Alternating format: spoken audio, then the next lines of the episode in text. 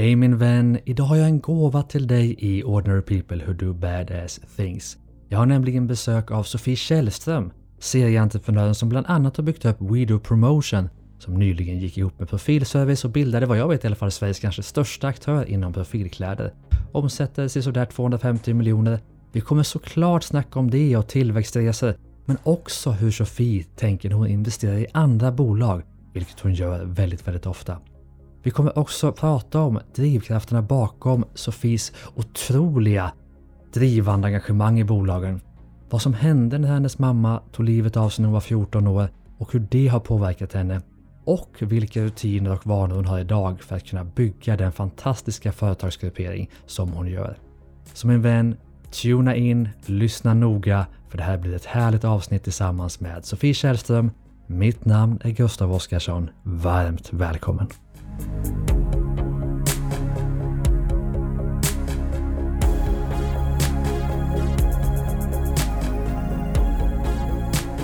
Hej Sofie! Nej men hej! Välkommen till Tack. Ordinary People Who Do Badass Things. Tack snälla! Känner du dig mer som en ordinary people eller som en badass? Som en badass. Såklart. Såklart. Men du, du är ju känd för mig och många, men kanske inte för allmänheten. Nej. Eller? Nej, det tror jag absolut inte. det. Ska bli. Men i alla fall, om du då skulle beskriva dig själv, vi tar bara några meningar liksom. Vem är det jag har fått besök av idag? Du har fått besök av en väldigt driven smålänning som har Ja. bott i Stockholm i snart 12 år och som driver Smart Generation. Och det är? Det är ett investmentbolag där vi investerar i framförallt fastigheter, innovation och nu hållbarhet. Mm, intressant. Och då vill man ju veta vilka bolag ni har investerat i. Ja, vi har investerat i Rås, sugrör av vass, Ja, Och vi har även eh, Transparol som vi har gjort en stor satsning med i Middle East tillsammans med Expo 2020. okej. Bland annat. Bland annat. Och mycket annat. Och mycket annat ja. Men du, du har ju också varit med och startat en del bolag själv. Alltså du investerar ju inte enbart utan du har startat egna bolag. Du har ju We Do Promotion Yes, som nyligen gick ihop med Profilservice. jajamän. Vad har vi mer än det? Vad har vi mer? Vi har, eh, jag jobbar med ett bolag som heter Green Queens Golf. Ja, Jag jobbar med Lightbulb Education. Så jag har ett bolag i Sydafrika som jobbar med EdTech. Mm. Så Learning Management System. Mm. Eh, vad har vi mer? Men det är väl eh, de bolagen. Vi har haft flera produktionsbolag och applikationer. Jag har haft golfbolag som vi har sålt. Så det har varit en, en hel del genom åren. just det. Vilket har blivit störst? Ja, men alltså dels jag är väldigt stolt över resan med VDP måste jag säga. Mm. Det We känns, Promotion. Ja, We Ja. Promotion. Det känns jättebra. Eh, Vi gick ihop med Profilservice och blev ett 250 miljoners bolag. Ja, alltså det är ju Adam och Johan där på Profilservice är ju grymma killar så att det. det. det där kommer bli en kanonresa. Så det känns ju jättekul att få vara med i det. Ja. Eh, men sen så, alltså jag är stolt över många olika åtaganden. Green Queens Golf är jag stolt över för Mm. att där har jag varit med och förändrat golfbranschen Mm. eh, och fört in väldigt mycket mer kvinnor i branschen. Mm. Ja men det finns en hel del godbitar. Men hur många bolag då, om vi tänker som du har startat själv och varit inne i, hur många har vi liksom? På, Ja, alltså jag är ju bordet. med en del intressebolag också Ja. som jag går in och investerar i som kan vara klädesvarumärken för män bland annat. Det. Och, men det som jag har liksom jobbat med de senaste åren det är ju väldigt mycket golf väldigt mycket varumärken och Mm. eh, marknadsföring då. Men snackar vi typ 15-20 bolag du varit inne i eller? Ja, men det är nog totalt sett när det var som mest tror jag det var 12 stycken Ja, plus två, tre intressebolag. Sen är jag ju väldigt mycket för så här, jag, jag investerar ju ganska mycket i Ja. onoterade bolag och så, så att då är man ju mentalt med i de bolagen också Ja. såklart. Oj vad mycket, alltså, jag älskar ju investeringar så här har vi mycket att snacka om. Ja, Men först gud, måste jag bara ställa frågan, för du har varit med och startat många, du är inblandad i många. Är inte det här receptet på att misslyckas, att vara med i för mycket olika syltburkar? Eh, Jag och nej skulle jag Ja. säga. Eh, Det beror lite på hur man fördelar det. Det har varit väldigt mycket liksom, strategi från min sida att vara med på många delar från Mm. början. För det var så jag liksom, ja men många bäckar små blev det från början. Mm. Men det jag gör just nu är att jag har börjat skala av ganska mycket. Mm. Så att eh, nu har jag liksom tre väldigt tydliga fokus på vad jag vill göra framöver. Men ska vi då titta på dig som person, den entreprenörsdrivkraften, var började den? Har den alltid funnits eller kom den någonstans på vägen? Alltså jag tror alltid den har funnits faktiskt. Eller Ja. jag, det är en svår fråga. Alltså jag har svarat både att den har kommit och att den eh, fanns där. Men jag Ja. tror att jag alltid har varit väldigt driven. Mm. Jag ville alltid liksom göra någonting när jag var yngre. Jag Mm. började jobba när jag var 12. Så att, Mm. ja. Så du har alltid varit på, ett sätt stuckit ut då? Ja men gud ja, det tror Ja. jag att jag har gjort. Alltså, Du har alltid varit en badass? Ja exakt, nej. men alltså jag jobbade, jag jobbade Ja. från tidig ålder Ja. i Oskarshamn som jag är uppvuxen i. Så att eh, jag vet att de kallade mig, de äldre tjejerna kallade mig för julgranen när jag Aha. jobbade på Värmoda. För Ja. jag var en sån här som testade alla kläder och Ja, smycken och om det var något som inte sålde så bara kan du ta på dig det här så, ja, så sålde vi det sen. Jag har nog alltid vågat liksom sticka ut lite så. just det. Men när du var 14 tror jag det var så tog din mamma livet av sig. Ja precis, 14-15 där var jag. 15. Hur har det påverkat dig? Massor skulle jag säga. Eh, mycket mer än vad jag själv tror. Ja, Eller jag vet att det är mer än vad jag själv har förstått och Mm. eh, det är ganska intressant för att när jag gick hit så tänkte jag ganska mycket på det för att jag har lyssnat på vissa podcasts som man har gjort för många år sedan och jag tror Mm. att ju mer man också så här utvecklar sig själv och lär sig om sina beteenden, för jag tycker det är väldigt intressant, då Mm. förstår jag ju också att det jag gör idag har ju påverkats väldigt mycket av min barndom. mm. Och jag kan tycka att det ändå är ganska jag är lite nyfiken på sånt, alltså hur vi människor blir på grund av det. vi har varit med om. Men om man tittar i det korta perspektivet då efter Mm. att det hände, vad, gjorde det med dig? Drev det dig framåt att skapa saker eller liksom blev det en, en mörk tid? Nej, alltså jag, eller nej säger jag, jag eh, bestämde mig bara. Alltså Ja. det var så här att jag stod verkligen, jag kommer typ ihåg det här att antingen så ska jag typ så här gömma mig Ja, eller så ska jag bara gå rakt ut liksom och möta alla. För Mm. att jag bodde ju i Oskarshamn som är en liten stad. ja, Så det var så här, alla visste vi- vilken min familj var, pappa hade högt eh, liksom, jobb i kommunen. Så det var verkligen så här, jag fick välja typ att fejsa det eller typ gömma mig, så kändes det som. mm, Så jag var faktiskt i skolan dagen efter mm, det hände. För att Mm. jag kände att det är mitt sätt att liksom komma vidare. mm. Kan du se då att det du gjorde där har adderat någonting till din personlighet som du har haft nytta av sen? Gjorde jag. Alltså jag, eh, allting typ idag när jag ska göra någonting så tänker jag alltid så här undermedvetet att jag har redan varit med om det värsta som kan hända mig. Mm, Så jag får som en liten så här extra kick liksom. mm. Och det är ju spännande då, apropå personlig utveckling, att jag vill ju inte att det ska hända någon, och, alltså det är ju sista Nej, det ska absolut. hända. Men du har säkert tänkt på det här, att det du får, det är den gåvan du på ett sätt fick. Förstå, missförstå Ja mig men rätt jag nu. förstår exakt vad du menar. Mm. Hur skulle man kunna få den utan att vara med om någonting sånt? Har du funderat i de banorna? Men jag har tänkt jättemycket på det här för att det Ja. är lite av min superkraft liksom. Ja, Att jag har en power inom mig som jag kan liksom så här jag vet att jag klarar av typ det mesta. Alltså det Mm. låter jättekonstigt men alltså man Ja. har som en extra power för att jag har inga barn heller så att då har man liksom inte någonting på det sättet att förlora. Alltså man vet ju, eh, jag tror att det handlar om att man har varit med om ett trauma. Så Mm. liksom då blir du utsatt för, för saker som du inte trodde du skulle klara av. Det är ganska intressant faktiskt. just det. Och jag vill ändå liksom ge lyssnarna någonting förutom en, en inspirerande historia. Och liksom, vad kan man ta med sig som lyssnare av detta? För du får ju din superkraft i att du kan klara av vad som helst för det värsta har ändå hänt. Ja, Kan man liksom ta över det till att någon annan kan använda det, det verktyget på något sätt utan att det har hänt för dem?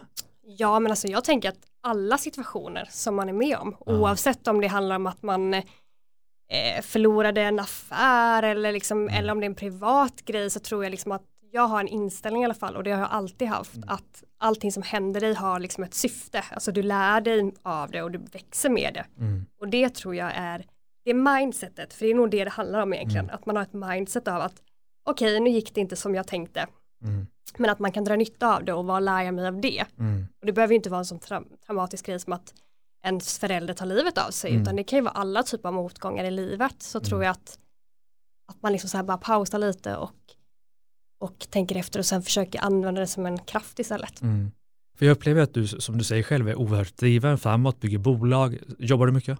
Ja, jag jobbar mycket men jag jobbar inte så mycket som jag har gjort. Nej. För När jag som mest åh, 60, 70, 80 timmar i veckan? Ja gud alltså jag jobbar Ja. ju mycket, alltså det beror ju på vem, Ja. vem du frågar men det är klart Jag frågar dig, jobbar mycket. tänkte jag jag. jobbar mycket. Jag Ja, jobbar men mycket. som mest då, hur mycket var det?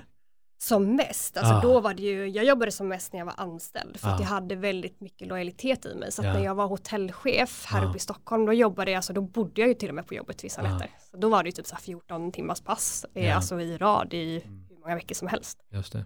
Eh, men det funkar ju inte. Nej.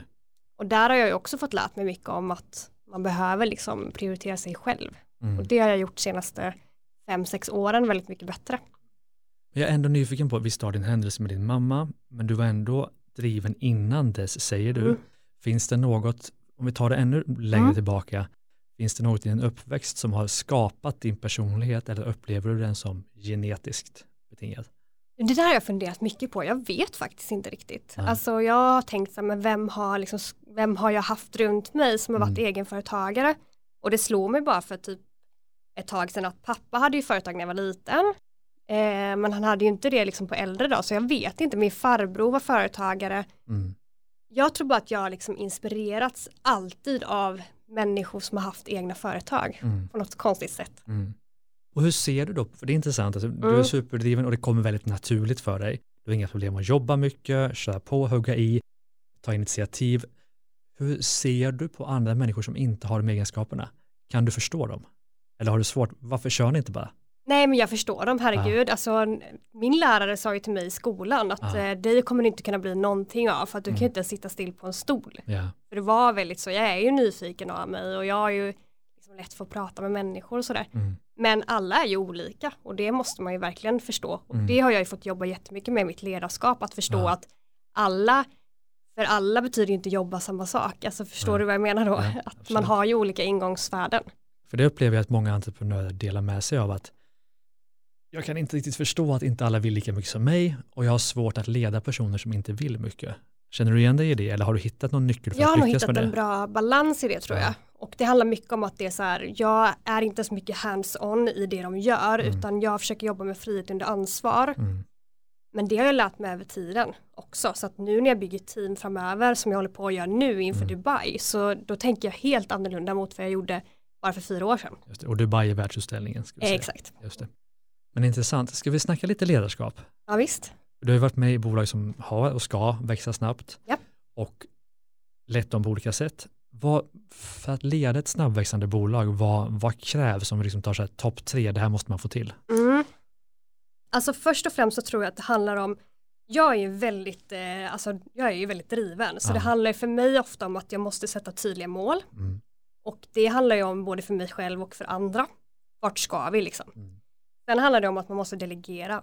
Mm. Du kan inte få medarbetare att jobba om, mot rätt mål om de aldrig får agera själva. Mm. Så mycket delegera. Mm. Har du Och lätt sen- för det? Eh, Jag blivit bättre. Ja. Jag var inte det från början. Ja, Mm. från början hade jag svårt för det. Eh, eller inte svårt för att delegera men jag hade liksom, jag ville att allt skulle bli perfekt så jag har fått jobba på att, att eh, delegera. Men idag, min personal idag när vi har så här medarbetare undersökningar och sånt, de tycker att jag är duktig på att delegera. Mm. Så jag tror att jag har jobbat väldigt mycket på det. Just det. Men sen är det sista är ju teamet också. Mm. Att få ihop alla. Mm. Att alla känner sig trygga och bekväma. Att, Mm. att det är okej att ringa om man har gjort någonting fel eller att man kan ringa om man behöver hjälp. Liksom. Mm. Det tror jag är väldigt viktigt också. Mm. Liksom Och hur gör man det praktiskt då? Det, alltså, få ihop teamet? Ja, det säger alla. Vad gör du? Vad gör jag? Alltså vi, ja, till exempel nu när vi var i Dubai, det är viktigt att man har liksom en eller två dagar där vi bara umgås. Alltså Mm. man pratar om livet, man pratar om allt annat som inte handlar om jobb. Man skapar relationer med varandra. Eh, man visar liksom att alla är lika värda i vårt team. Mm. Att jag, för mig, för, även att jag är bolagsägare, så gör ju jag lika mycket ett skitjobb om det behövs. Mm. Eh, så att eh, det är absolut inga konstigheter, utan jag tror att det handlar om att man måste lära känna varandra Mm. och ställa upp för varandra. Just det. Kompisar jobbar bäst ihop. Typ. Ja. Eller? Ja, det skulle jag nog inte säga. Det har jag ingen erfarenhet av Nej. att det är så. Men däremot så tror jag att det är viktigt att man känner så här prestigelöshet Ja, och att man faktiskt vågar misslyckas. just det. Mm. Intressant. Men det känns som att din drivkraft på något sätt är förändring. Förändra Mm. ett bolag eller förändra en bransch. Om vi tittar då på, jag menar, du är ute, du ska på världsutställningen nu liksom och, Ja. och bygga ett stort koncept kring det. Vad, om du tittar på de trender vi ser i världen, vad kan du se som att wow, det här vill jag vara en del av, det här kommer hända, det här, den här trenden kommer slå superstort. Ja, det är ju väldigt mycket hållbarhet just nu. Ja. Och det kan man ju liksom, det är ju väldigt brett också. Mm. Det, det jag tycker är intressant det är ju att hitta affären i hållbarheten. Mm. Är du med på vad jag tänker då? Utveckla gärna, för det är inte säkert lyssna Jag heller. tänker, nej men jag tänker att eh, det ena behöver inte utesluta det andra. Vi sitter med väldigt intressanta projekt nu, till exempel en e-handel med svenska varumärken. Ja. Och det kommer vara den första i Shopify som lanseras med Carbon Footprint, Mm. som bygger på Ålandsindex. Mm. Så då får vi ihop liksom det, det kommersiella med hållbarheten. Mm. Och då är jag väldigt pigg och sugen på att se hur det här kommer funka och slå internationellt Mm. Och vad man kommer få för liksom, effekter av detta.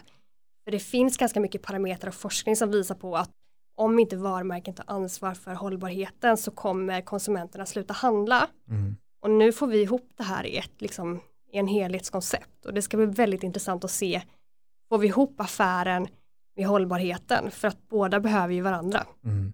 Har vi kommit så långt att hållbarhet har blivit ett must have? Ja, jag tror det på, på vissa områden, Mm. men inte på alla. Mm.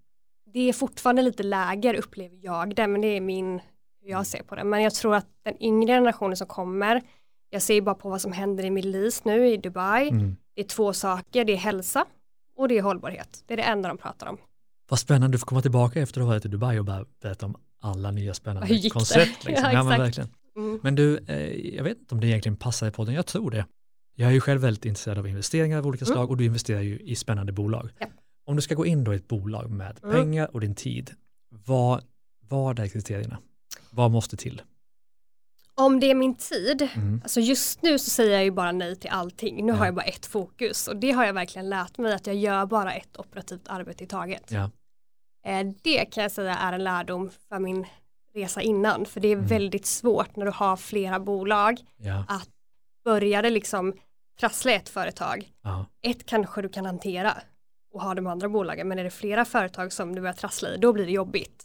Okej, så bara vara operativ i ett bolag samtidigt. Ja, jag Men man kan ju tycker vara investerare i flera bolag, men, men gud, ja. operativ samtidigt i ett bolag. Ja. Så det jag lärde mig av min eh, dåvarande styrelse, Mm. det var en advokat, som var det en herre som hade gjort kanske ett ja, 30-40-tal förvärv. Ja. Det jag lärde mig var att bygga upp en liksom struktur där jag hade externa vdar så Mm. de rapporterade upp till oss och upp till mig som var koncernchef då. Ja. Det var ju ett bra sätt för att vara operativ utifrån att man ska ha flera bolag. Mm.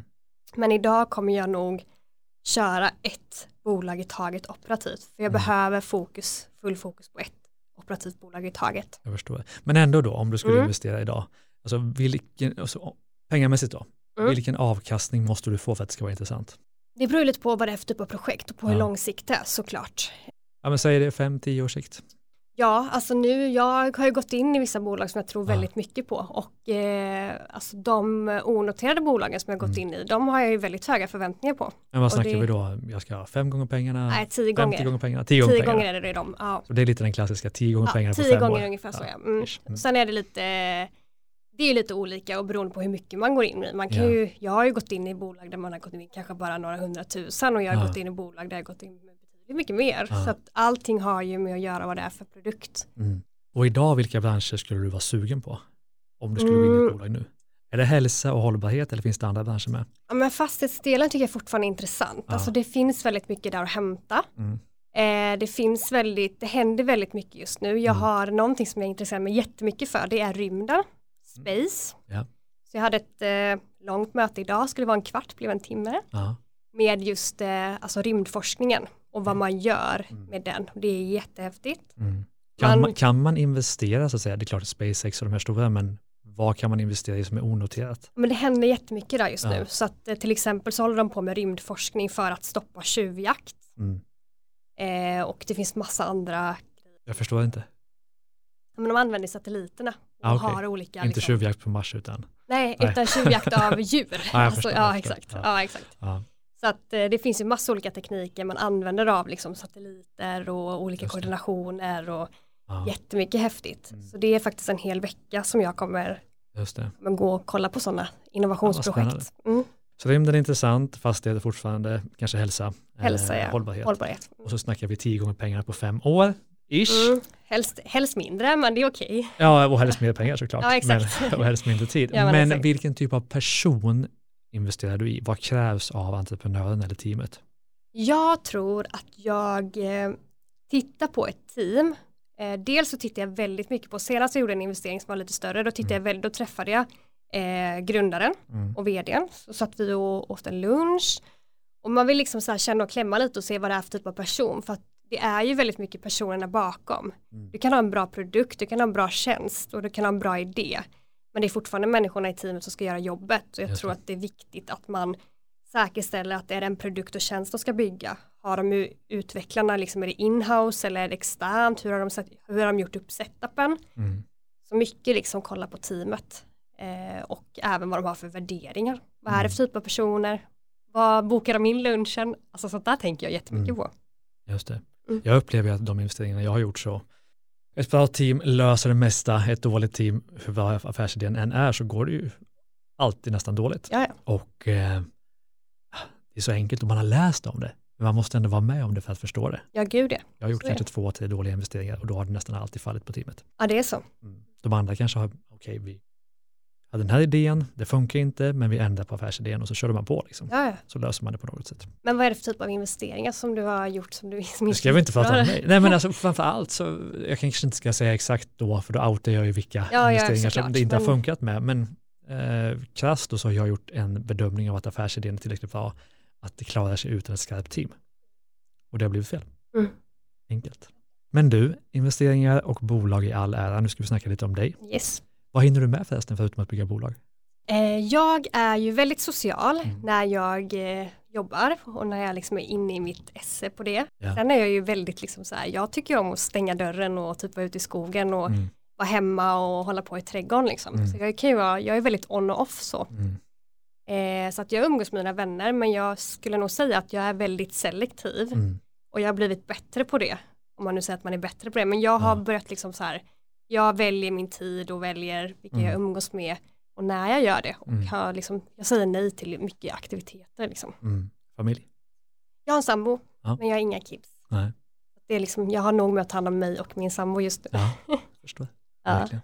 Men du, vad är drivkraften i grund och botten? Liksom, är det att bygga stora bolag? Är det att tjäna pengar? Är det att uppnå någonting? Är det att förändra världen? Eller någonting annat? Nej men alltså jag har en, alltså jag drivs av att skapa frihet. Mm. Det är liksom viktigt för mig. Och jag drivs av att kunna ha möjligheter och resurser att hjälpa till med förändringar. Mm. Jag drivs ju mycket såklart av psykisk ohälsa Mm. och har lite tankar kring det. Men jag behöver ju först och främst också skapa pengarna och kapitalet för att kunna investera i det som jag brinner för. Just det. Har du något sånt här att jag måste ha 100 miljoner eller en miljard för att kunna liksom göra exakt det jag vill? Ja, men jag har ganska tydliga liksom, mål framför mig så jag vet typ ungefär vad jag, vad jag liksom är på väg. Nej, men jag har sagt så här, jag ska ha 100 miljoner för jag fyller 40. Mm.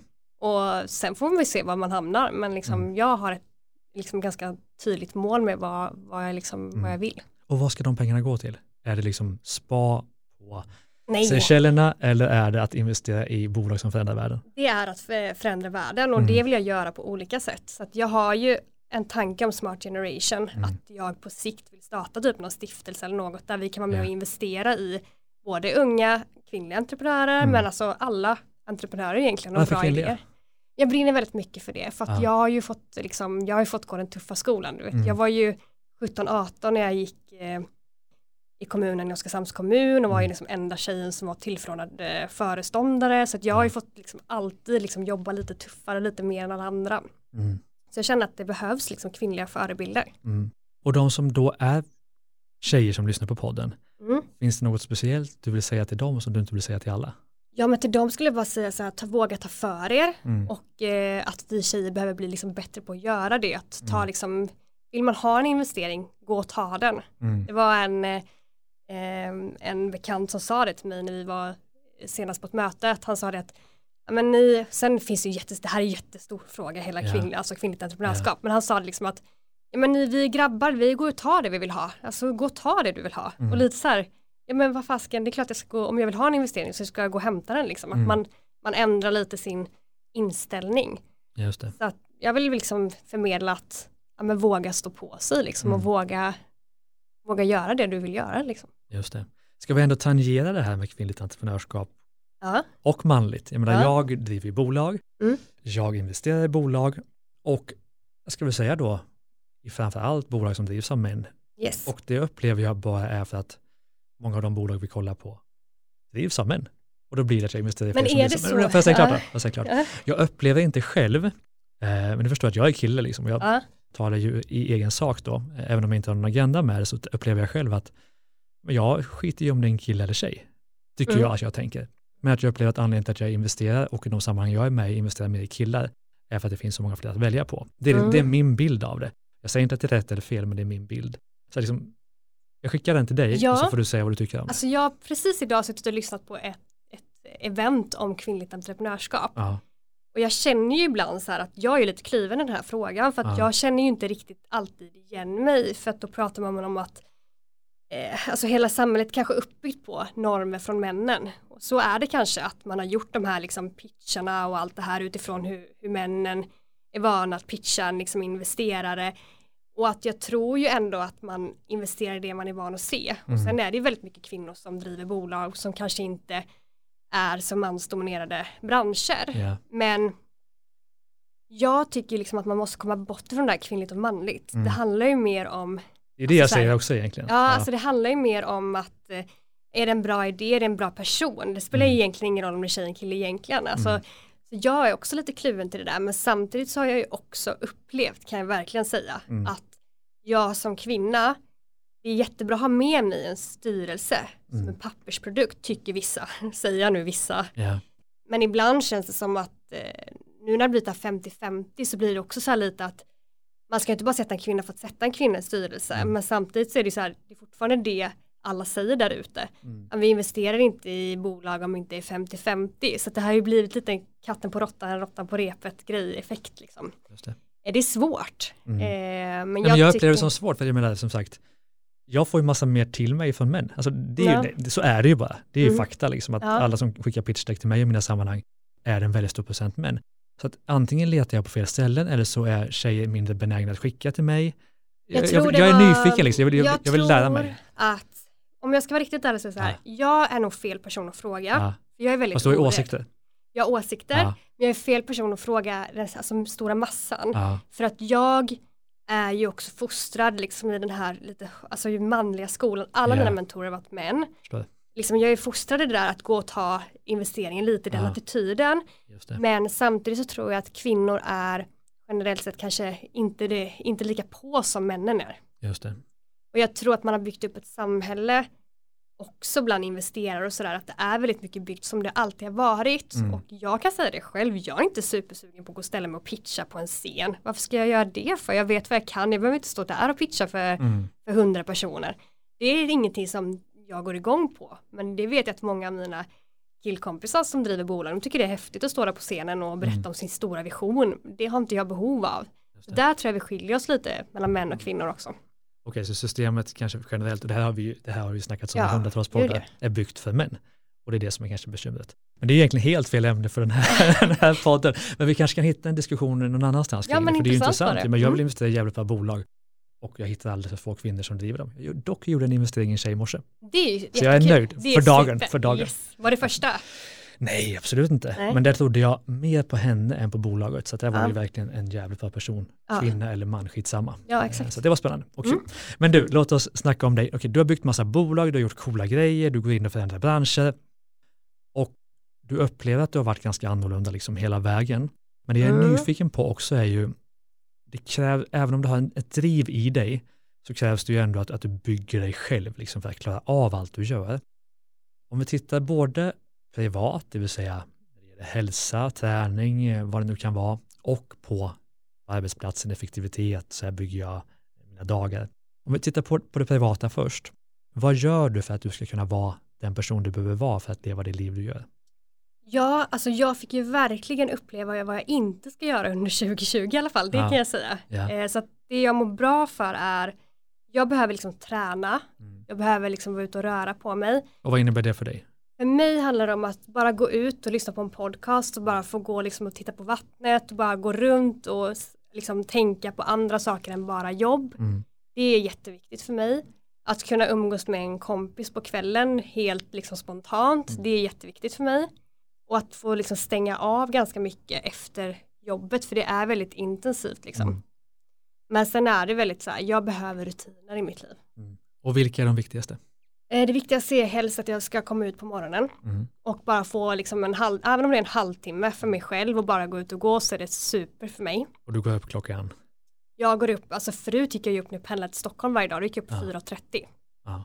Så att jag går ju upp ganska tidigt. Mm. Eh, men sen så har jag ju liksom en promenad, kanske 30 minuter på morgonen. Det är det jag behöver oftast för att liksom Mm. samla mina tankar. Och sen så sätter jag mig oftast och tar en kaffe, käkar lite frukost och går igenom mejlen för då känner jag att jag har liksom startat min dag. Mm. Och varför börjar du med mejlen? För det finns just två skolor där. Ja, Mejlen vill man beta av, så det är klart. Eller jag vill inte kolla på mejlen för det pajar mitt humör. Nej, jag vill beta av den. Ja. Alltså jag är ju en doer i Ja. mitt huvud. Så här. Jag vill ju, jag vet Tjoff, tjoff. ju, jag vill bara tjoff, tjoff, tjoff, Ja. platt. Då vet jag att det liksom inte ligger någonting. Jag har alltid Mm. så här en vana att när jag stänger igen datorn, då vet jag att jag har gått igenom det. Mm. Och när jag liksom vaknar så gör jag det sista, så att det aldrig ligger någonting och skräpar där liksom. Just det. Men kollar du mejlen också kontinuerligt under dagen? Nej, inte jättemycket. Utan det är två gånger per dag typ? Ja, kanske någon mer gång. Men Mm. jag sitter liksom inte hela tiden i mejlen. Nej. Mm. Okej, så att gå ut och gå det är din huvudsakliga träning, Mm. kanske lite annat. Ja, jag tränar ju annat också, men Ja. det har varit väldigt dåligt senaste Men det är den året. viktiga rutinen, liksom, att Yes. komma ut och gå. Okej. Mat, sömn, finns det några principer eller är det? Sömnen är min, min viktigaste, Ja. absolut viktigaste. Den, eh, alltså jag går och lägger mig tidigt. Ja. Eh, och Men typ jag sover. nio? Ja, så om jag inte har någonting som jag måste göra så går jag gärna och lägger mig nio, typ Ja. tio kanske. Mm. Och försöker sova då sju Ja, timmar ish. sju, åtta timmar. Vad händer om du inte gör det? Märks det på prestation på en gång? Alltså jag är ganska tålig, vet, jag har jobbat i hotellindustrin. Ja, Du vet, ja. Man vänjer sig ganska snabbt då, Ja. men jag vet att jag blir trött och jag Ja. blir liksom ofokuserad. Jag behöver min sömn och jag behöver min promenad, jag behöver liksom äta bra grejer. Och det fick jag känna på under 2020 när jag bara körde. Och då var det verkligen all in på Men ni mig. gjorde ju en otrolig corona Ja, gud, alltså, det var ju- Som man kan läsa om på drivastrategisk.se ska jag säga. Ja, exakt. Alltså det, men det året, det var, allt, det var liksom värt allt Ja. på ett sätt för att det blev väldigt bra. Du vet, vi tappade ju 90% av omsättningen i Mm. början av corona och sen så växlade vi om och avslutade nu på helt, ja, helt samma Mm. sätt som förra året och känns jättebra liksom ihopslagen med profilservice och allt så det var ju en väldig resa vi gjorde. Mm. Men mig personligen, om jag får prata så förstör jag ju mycket för min egen hälsa under 2020. Mm. För att, Att du jag, jobbade för mycket? jag jobbade för mycket. Jag prioriterade att behålla personal som jag Ah. kanske borde ha av med Mm. av ekonomiska skäl för att vi tappade så mycket som hotell och industri, hotellindustrin och Då var det oro eventbranschen. för det naturligtvis. Psykisk oro. Ja, då vill jag liksom inte, men de har jobbat hos oss kanske i 30 år vissa. Ah. På, på allvar så var det så. Mm. Och jag bara kände att jag kan inte, vad ska jag, hur ska liksom, det här funkar ju inte. Så då valde jag liksom att köra på ännu mer, gasa på ännu mer. Mm. Eh, så att eh, det har gjort att jag nu 2021 har liksom Mm. verkligen så här, men jag går först, alltså jag måste hålla ihop, jag måste ha min hälsa i behåll. Vad innebär det om vi snackar kost? Eh, kosten in- innebar att jag satt ju väldigt mycket på tåg och satt, i och med att jag bor i Norrköping nu, Ja. så jag gick ju upp 4.30 och jag kom hem kanske 22.30, då Mm. kan du tänka dig man behöver sömn som jag behöver, Mm. så var det ju, liksom jag var ju bara, det var ju bara ett enda fokus liksom, Ja. och det funkar ju inte. Det Nej. funkar under en period, men. Inte mer än så liksom. Men det var bistromackan och Ja men det eh, var ju liksom, ibland åkte jag korvstroganoff. bil liksom, då Ja. var det ju typ, ja men så var det ju. ja, Kom vin i maskinen på jobbet, den gick ju varm och eh, man stannade ju ibland på Q8 och käkade en korv. Mm. Det var liksom den här typiska säljar, säljarlunchen liksom. Du gick ändå inte in i någon form av vägg utan du Nej. insåg innan att nu måste jag skärpa mig. Ja ja, alltså jag var väldigt, väldigt, väldigt medveten och det Ja. jag gjorde var att jag tog väldigt mycket hjälp av liksom så här, jag går ju till terapeut för jag tycker det är jättebra. Ja. Och då, jag visste ju liksom att det här är tillfälligt. Jag hade ett mål, jag visste vad jag skulle göra, jag visste att vi var på väg någonstans. Men, men liksom här, ja, man, jag kanske inte gör det en gång till. Nej. Men, om vi tar kosten nu då, när Mm. du sköter dig. Nu? Har du någon princip då eller är det? Nu är jag inne på en 13 dagars diet. Ah, Så nu är det så superstrikt. Och kör du juicer eller smoothies? eller Nej, vad? det är, det är någon sån här norsk variant. Så jag, idag nu till lunch så fick jag äta typ skinkbitar. Det, okej. Ja. Det låter ju härligt. nej men det är väldigt lite mat just Ja. nu. Vad heter principen? Jag tror det är en norska, någon norsk princip. Ah, som, okej. Men pappa kom hem och han hade gått ner 16 kilo sen i julas så jag kände bara nu, Då kör nu vi. kör vi. Ja. Ja. Men om du bortser från just den här dieten som du gör nu, eller cleansing eller vad vi kallar den. Ja. Vad, hur äter du då? Nej men jag vill ändå äta väldigt, alltså när jag mår som bäst då äter Mm. jag hälsosamt. Och eh, inte så mycket mat egentligen. Alltså håller mina rutiner. Det är samma sak där liksom. Mm. Frukost, lunch, middag. Men om vi då tittar på en arbetsdag istället för att Ja. få saker gjorda, för att prestera, för att få människor omkring dig att, att lyckas. Vilka verktyg använder du av dig av då? Alltså du vill tömma inkorgen förstår jag ju, Mm. men vilka annars är det som, det här är viktigt för mig, de här funkar för mig. Nej men alltså det är väldigt, vi, vi är väldigt liksom så här, vi har väldigt bra team. Alltså just nu så funkar allt väldigt bra hos oss. Så Mm. att vi, vi peppar varandra. Mm. Vi har väldigt högt i tak. Vi, alltså vi har väldigt mycket energi i vårt Mm. bolag. Eh, och positivitet. Mm. Och alla får göra det de är bra på. Eh, så är det uppbyggt nu liksom och det funkar jättebra. Vi jobbar ju från Dubai, från Stockholm, från Norrköping just nu. Mm. Men det är väl inte bara så att nej, men vi kör lite mail och sen så något samtal och så har vi projektsystem, jobbar vi på post-its. Det är väl inte så Nej, det funkar, nej, utan nej, du har en massa system. Ja tänker jag. gud, ja, vi Berätta, jobbar med, vi, berätta. jo- men det, som vi, det som vi lever i just nu det är Ja. Teams Ja, för teamet, som med Ja. alla chattar och allt vad det innebär. ja, Där lägger vi alla dokument och allting har vi där. Sen så har vi ju alla våra teknikprojekt, eh, det ligger i slacken. Ja. Så att det är ju väldigt mycket sånt och sen kör vi fortfarande så här att om vi vet att Malin är i Dubai och vi är i Norrköping och någon Mm. i Stockholm då kör vi mycket så här att teammöten via Teams liksom Mm. och snackar ihop oss. Sen så jobbar vi väldigt strukturerat. Har du en to-do-lista? Ja gud ja. Hur ser den ut? Är det liksom allt på en lång lista eller är den uppdelad på ett Den är snyggt sätt? Den är uppdelad fast eh, jag är nog lite den här som har om du skulle se min lista skulle du tänka att det så var lite halvkaos men jag har väldigt bra Mm. koll men i mitt, på mitt kaotiska sätt Ja, så jag har en eh, eh, jag brukar säga det, min bästa anställd så skrattar vi lite allihopa, han heter, eller Anders i alla fall, han har koll på mig. Så att jag har, de bokar in allt i min kalender liksom och, mm, och kör mycket åt mig. just det. Ja. Men du, okej, det var lite rutiner så det är inga, inga hacks som du har som jag har missat nu. Nej, jag tror inte det. Alltså, Det är alltid kul att veta. Nej men jag tror faktiskt inte det. Alltså jag är Nej. väldigt mån om att man så här svarar på mejlen. För, Ja. och, alltså det är sådana saker som jag kan själv bli irriterad för. Om man mejlar någon och så får man inga svar. Eller om man skickar till någon på LinkedIn liksom, så får Ja. man inga, får man inga svar på det. Så där har jag bestämt mig för att jag ska själv vara duktig på att svara. Liksom. Mm. Sen kan det vara så här, hej vad kul att du hörde av dig. Det är inte intressant för oss. Mm. Men man behöver ändå återkoppla känner jag. Just det. Men har du gjort, alltså har du byggt upp allt detta själv eller har du varit duktig på att ha styrelse, advisory boards, mentor, coach, vad vet jag? Jag Terapeut var har inne haft på. Mm. allt eh, tänkte jag säga. Alltså Ja. jag har ju haft en avlönad eh, styrelse från dag ett. Mm. När vi startade Smart Generation. Ja.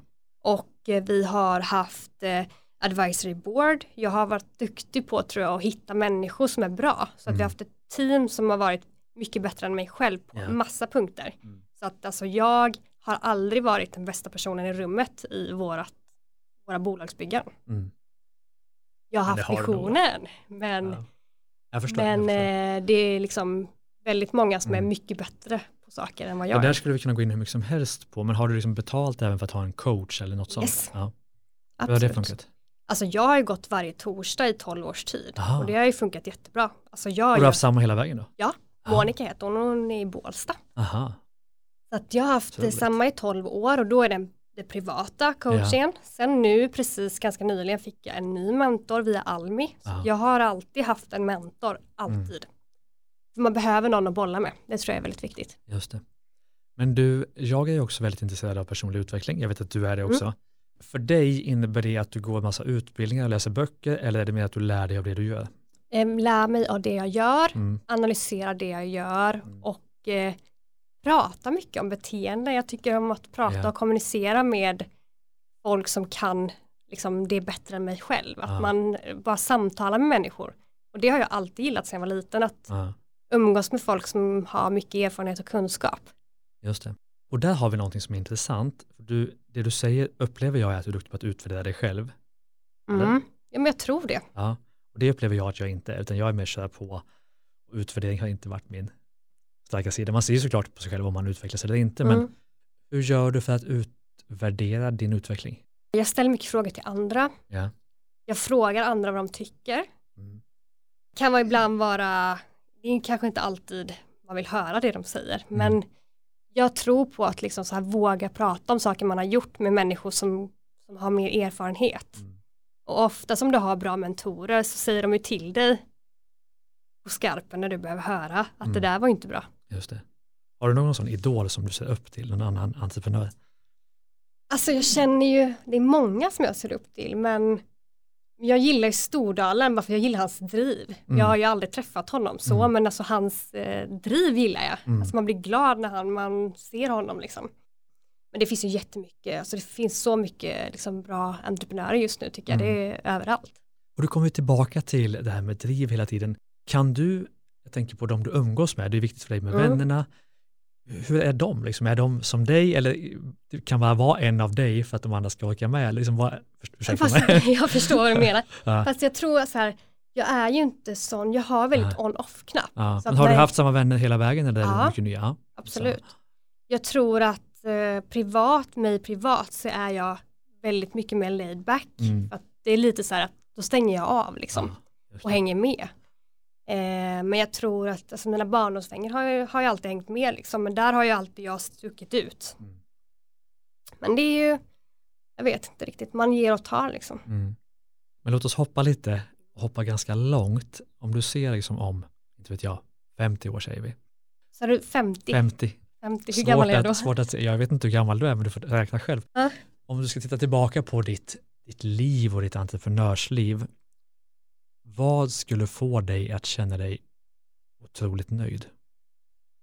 Men det är ju om jag får vara med liksom och skapa förändring. Ja. Och det är ju liksom det jag tycker är roligt. Jag tycker ju om att utmana. Jag Och vad är det du helst vill förändra då? Om du fick säga, jag kan göra vad som helst, jag kan förändra vad som helst. Vad är det liksom, det här ämnet är det viktigaste. Det kan ju vara allt ifrån feminism till klimatet till fattigdom, vad vet jag. Ja, men alltså det behöver inte vara något så specifikt som jag känner utan det är, jag drivs ju väldigt mycket av vad jag är passionerad för. Ja, Alltså nu har jag Ja. Just nu har jag passion för det här Transbarrel-konceptet som Ja. vi ska bygga upp, den här Carbon Footprint Ja. webbshoppen. Jag tänker i det stora hela, vad liksom, finns det något huvudämne som, det här är viktigast, det här är viktigast för mig. Ja, men vikt, väldigt viktigt är ju så här, fortfarande kvinnliga entreprenörer. Jag Ja. tycker det är viktigt för att jag tycker att vi behöver se en förändring i svenska samhället och även liksom hela världen. Mm. Så det brinner jag väldigt mycket för. Mm. Eh, Men det handlar egentligen inte om det kvinnliga utan det handlar mer om att jag vill få kvinnor att liksom eh, våga starta bolag och, och liksom ta för sig. Just det. Du, vi har hoppat ganska högt och lågt känner jag. Mm. Väldigt spännande. Vi har typ två minuter kvar, det går väldigt fort Ja, också. Jag har exakt. många ämnen jag vill fördjupa mig i, vi kanske får ta ett avsnitt till. Vet. Men är det något som du känner att entreprenörer som lyssnar på det här, det här vill jag säga till dem? Nej men det är verkligen så här att det, det jag har lärt mig genom åren det är verkligen att våga Mm. och att väldigt många sa ju när jag var mindre liksom att det här kan inte du göra och Mm.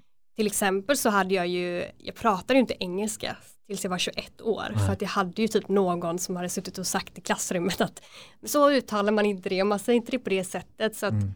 jag känner ändå så här att jo men det är allting som du inte tror att du kan göra kan du ändå göra och Mm. våga bara göra det. Jag menar nu har jag ju startat bolag i flera, i tre länder utanför Sverige Mm. utan problem Mm. och liksom det sitter väldigt mycket spärrar i huvudet så våga liksom gå förbi de komfortzonerna Mm. och eh, gör din grej liksom. Just det. Och du ser, det har vi ett ämne till vi borde ha snackat om. Internationalisering. Ja, men? Men vi får ta ett avsnitt till efter att du har varit i Dubai Mm. och sett de hetaste trenderna, vad som är på gång. till liksom. Dubai. Tack ja. Absolut. Men du Sofie, stort tack för att du ville vara med i Ordinary People Who Do Badass Things. Men tack för att jag fick medverka. Och tack till dig som lyssnar. Du hittar våra poddar såklart där poddar finns och på driva-eget.se. Även Business Hacks och Starta Eget-podden. Stort tack för idag. Hej då.